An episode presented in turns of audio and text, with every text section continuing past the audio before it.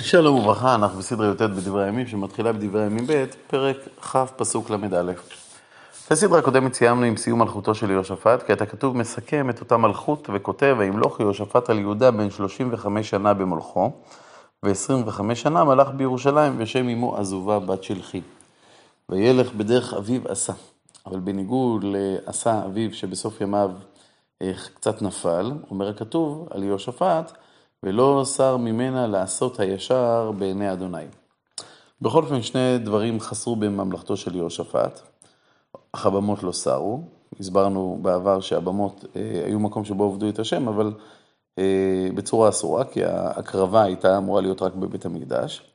דבר נוסף, אה, ועוד עם לא הכינו לבבם לאלוהי אבותיהם. כלומר, למרות שיהושפט אה, לימד תורה ועשה הכל כדי אה, אה, להעלות את רוח העם, בכל אופן, הוא לא הצליח ליצור בעם רוח אמונית גדולה.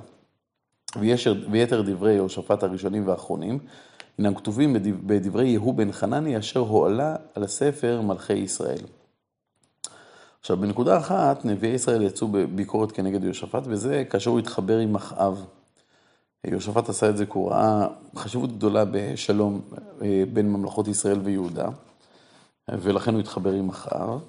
אבל בכל אופן, אחרי, יהוא, אחרי הביקורת של הנביא יהוא בן חנני, כנגד התחברותו לאחיו, אז, אז אה, אה, יהושפט לוקח צעד אחד אחורה, אבל אה, זה צעד שלא החזיק מעמד, כי אנחנו מוצאים בהמשך שיהושפט שיתף פעולה עם אחזיה, בנו של אחאב בבניית אוניות מסחר.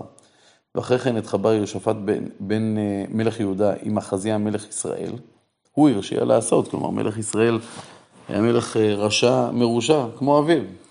בכל אופן, ויחברו, ויחברו עמו לעשות אוניות ללך תרשיש, והיה עשו אוניות בעת ציון גבר. ושוב מגיע הנביא שמתריע כנגד השיתוף בפעולה עם מלכי ישראל, ויתנבא אליעזר בן דוד עבד ההוא, ממרשה על יהושפט לאמור, כי התחברך עם אחזיהו, פרץ אדוני את מעשיך. כלומר, אם אתה, אתה מתחבר עם מלך, מלך הרשע הזה, אז הדברים שלך לא יצליחו. ובאמת השיתוף פעולה הזה כושל, שכן, וישברו אוניות, ולא עצרו ללכת אל תרשיש, כלומר אוניות טבעו. נעיר פה שמפה משמע שיהושפט התחבר עם אחזיהו מלך יהודה בפרויקט של בניית האוניות לצורך אה, מסחר, אבל בספר מלכים משמע שהפרויקט היה של יהושפט. ואחר כך, כאשר אחזיה, מלך אה, ישראל, מבקש אה, להתחבר ולהצטרף לפרויקט הזה, אז אמר אחזיהו אחאב אל יהושפט, ילכו עבדי עם עבדיך באוניות, ולא אבא יהושפט, יהושפט דוחה אותו. צריך להסביר ששני המקראות האלה מספרות לנו בעצם סיפור שלם. המלבי אומר שבהתחלה שני המלכים התחברו על מנת לבנות את האוניות, אבל האוניות טבעו. הרלב"ג ממשיך ומסביר שאז, אחרי שהאוניות טבעו, בא הנביא ואומר ליהושפט, תשמע, תביעת האוניות התרחשה בגלל השותפות שלך עם, עם מלך ישראל. אם היית בונה את האוניות לבד, הן לא היו נזקות. וכנראה בהמשך אחזיה מלך ישראל מנסה, מבקש להמשיך את הפרויקט הימי ביחד, אבל אז יהושפט מלך יהודה דוחה את בקשתו. וישכב יהושפט עם אבותיו, ויקבר עם אבותיו בעיר דוד, וימלוך יהורם בנו תחתיו, ולא אחים בני יהושפט. עזריה ויחיאל וזכריה ועזריה ומיכאל ושפטיהו, כל אלה בני יהושפט מלך ישראל. כלומר, היו ליהושפט הרבה בנים, והוא בעצם אה, ממליך את יהורם בנו תחתיו. וייתן להם אביהם מתנות רבות לכסף ולזהב ולמגדנות עם ערים מצורות ביהודה, ואת הממלכה נתן ליהורם כי הוא הבכור. כלומר, יהושפט עוד בחייו מייעד את המלוכה לבנו הבכור, יהורם, ולשאר אחיו הוא נותן מתנות וכסף, זהב, שליטה על כל מיני ערים בצורות ביהודה, כדי כנראה שהם אה, לא ירגישו שהם אומללים ומסכנים, אלא יחושו שהם קיבלו משהו. אבל אחרי שיהושפט נפטר ויורם עולה לשלטון ומתבסס, הוא מתחיל לפשוע. ויקום יורם על ממלכת אביו והתחזק, אז הדבר הראשון שהוא עושה, ויהרוג את כל אחיו בחרב וגם משרי יהודה, משרי ישראל. למה יהורם הורג את אחיו? זה לא ברור. אולי הם ניסו לערער על שלטונו. אולי הוא חשד בהם, אולי הוא היה פרנואיד שהיה בטוח בלי שום סיבה שמנסים לפגוע בו. אגב, הרלב"ג מעיר שהכתוב מדגיש שהבחירה של יהושפט ביורם הייתה כי הוא הבכור, בא ללמד אותנו שזו סיבה לא מספקת, סיבה מעוותת. המלך צריך להיבחר האדם, כלומר למלך צריך להיבחר אדם שיש לו את הכישורים להיות מלך, שיש לו את המבנה הנפשי והמוסרי להיות מלך. המיקום שלו בסדר, בסדרת האחים, האם הוא בכור או לא בכור, היא לא רלוונטית. והכתוב מנסה להסביר את זה בכך שהוא אומר לנו שהבחירה בו נבעה כי הוא הבכור. ב-32 שנה מלך יורם במלכו, ושמונה שנים מלך בירושלים, והלך בדרכי מלכי ישראל כאשר עשו בית אחאב. כי בת אחאב הייתה לו לאישה והיה שרה בעיני אדוני.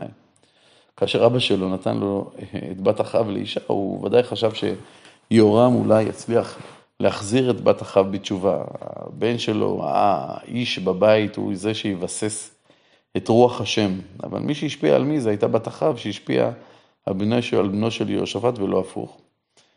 אה, ולמרות שדרכיו של יהורם מלך יהודה היו דרכים נוראיות, בכל אופן, ולא אהבה אדוני להשחית את בית דוד למען הברית אשר קראת לדוד וכאשר אמר לתת לו ניר ולבניו כל הימים.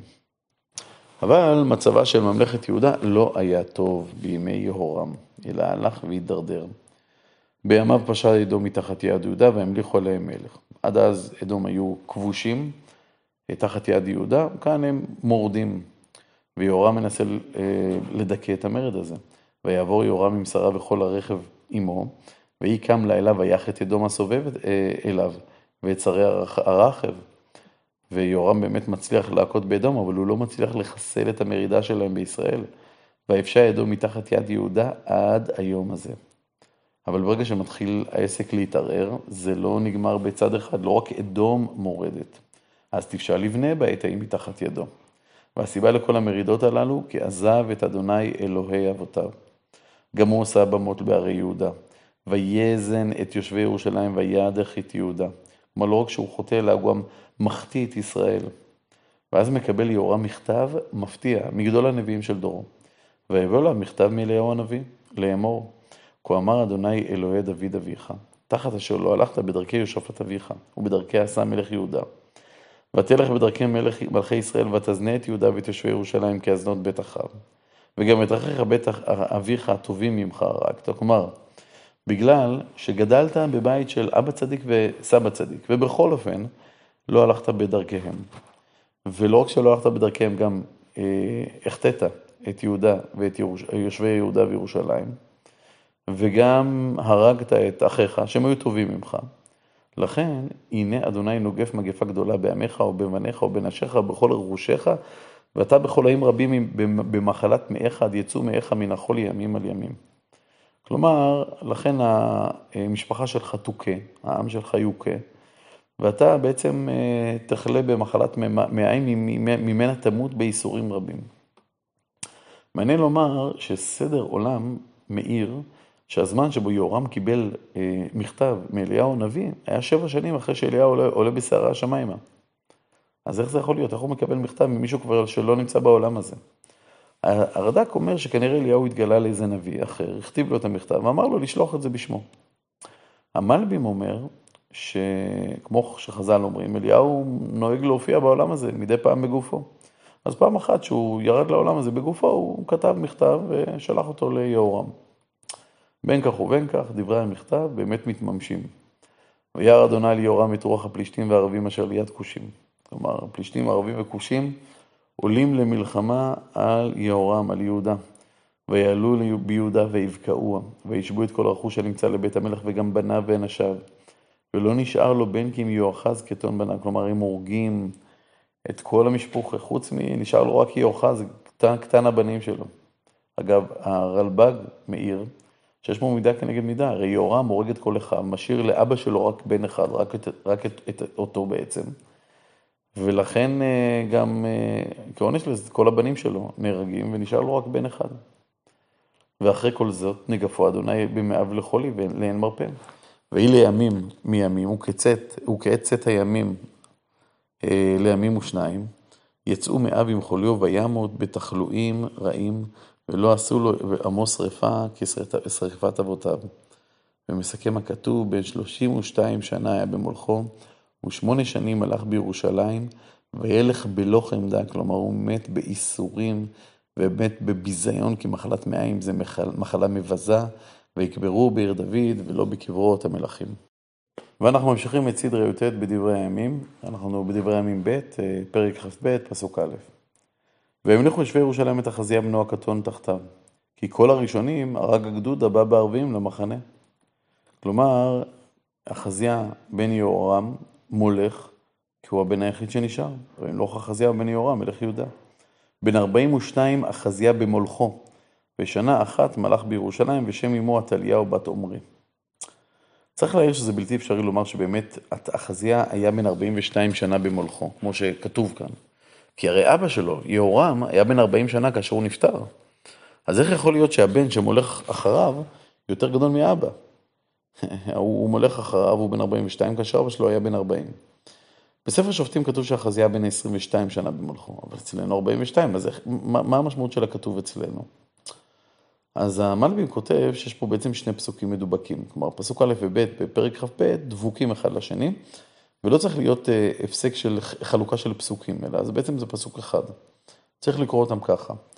וימלוך אחזיהו בן יהורם מלך יהודה בן 40, כלומר אחזיהו מלך יהודה מלך כאשר יהורם אביו היה עדיין חי, היה בן 40.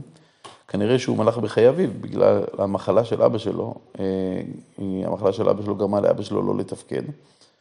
ולכן בעצם אה, הוא התחיל למלוך כאשר אבא שלו עדיין היה חי.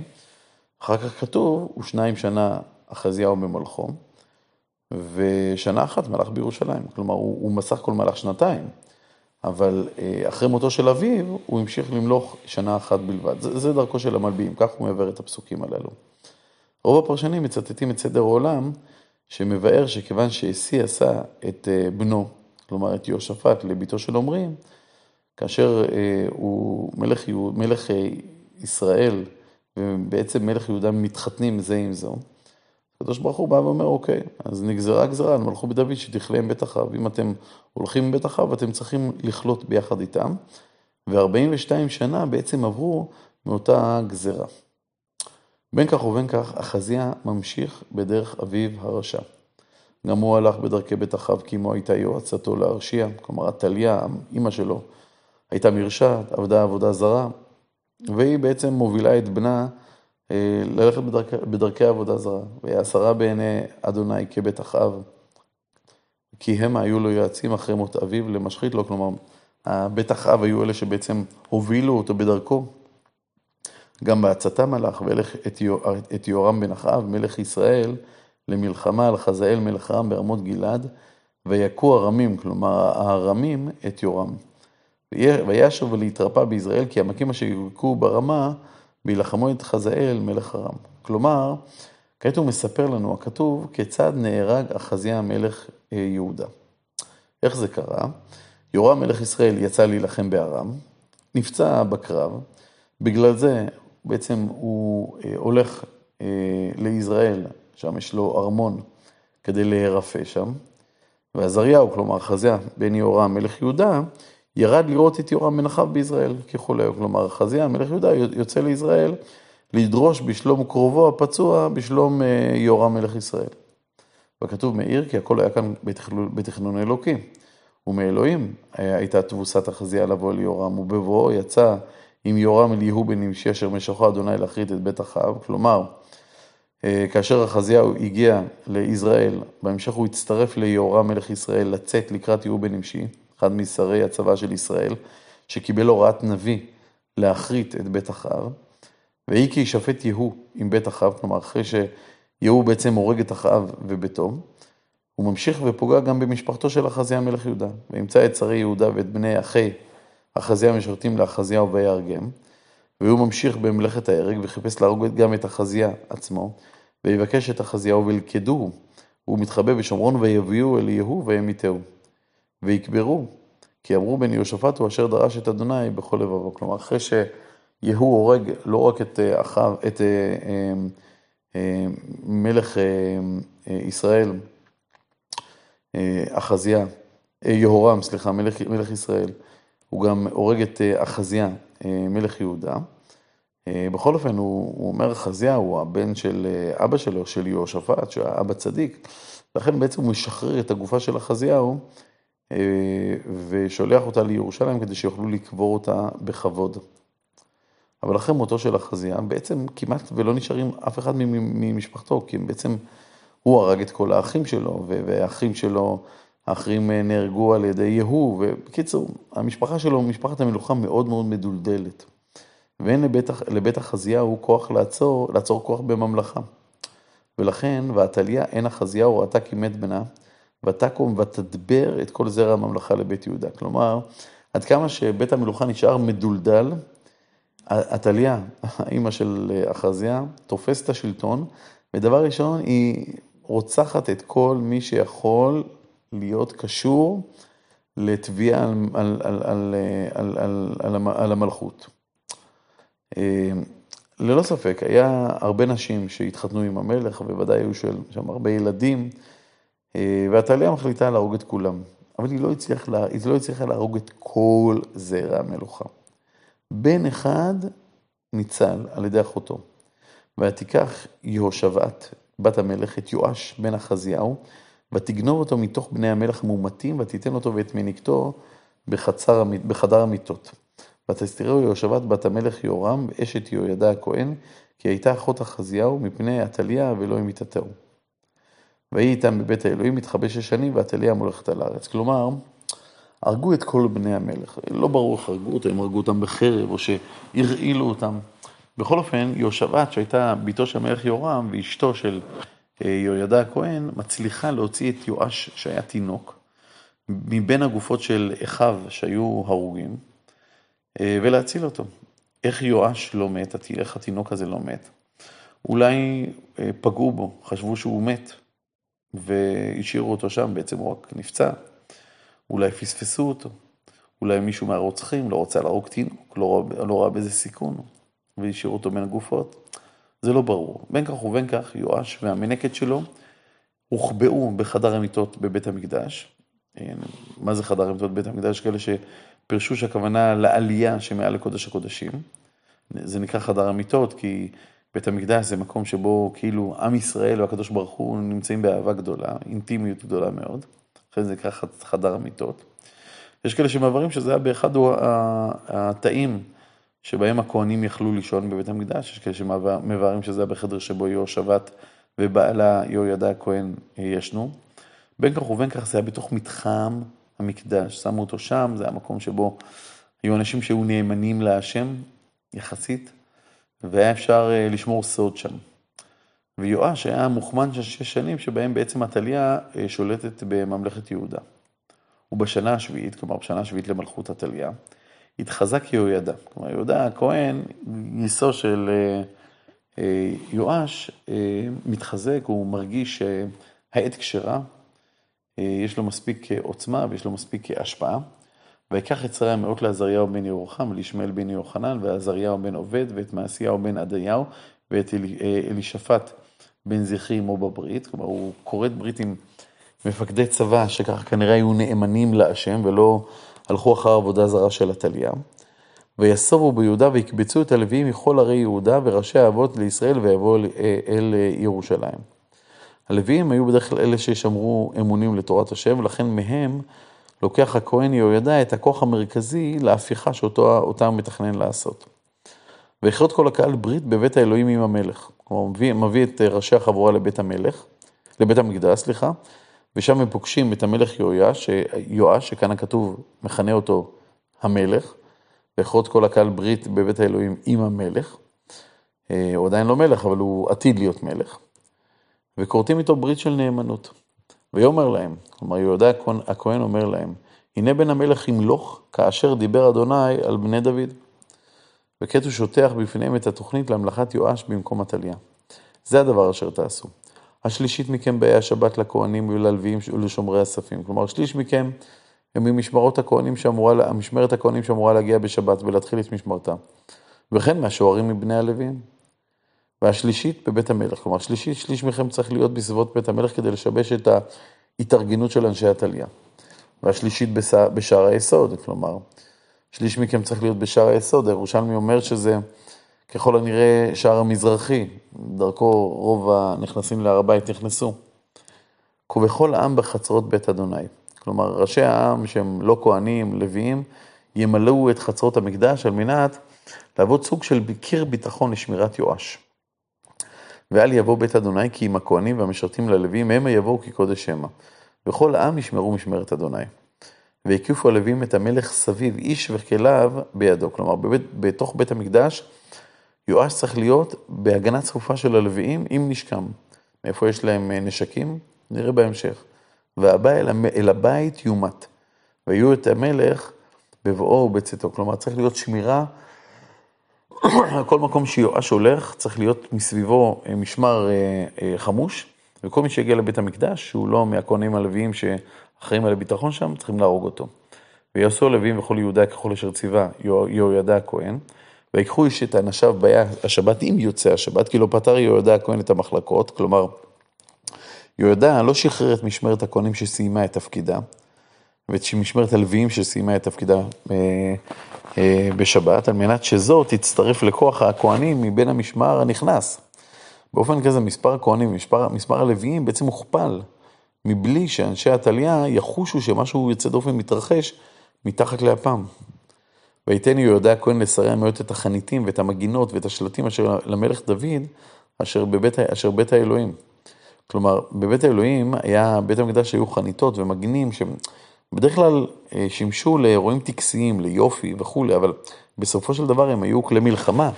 שחלקם ודאי נפלו, אה, כלי מלחמה שנפלו בשבי, כשלל.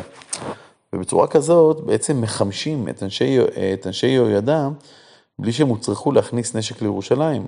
ועוד פעם, בלי שאנשי עתליה יכלו לדעת על זה דבר, כי הכל מתרחש ככה במתחם הסגור של בית המקדש.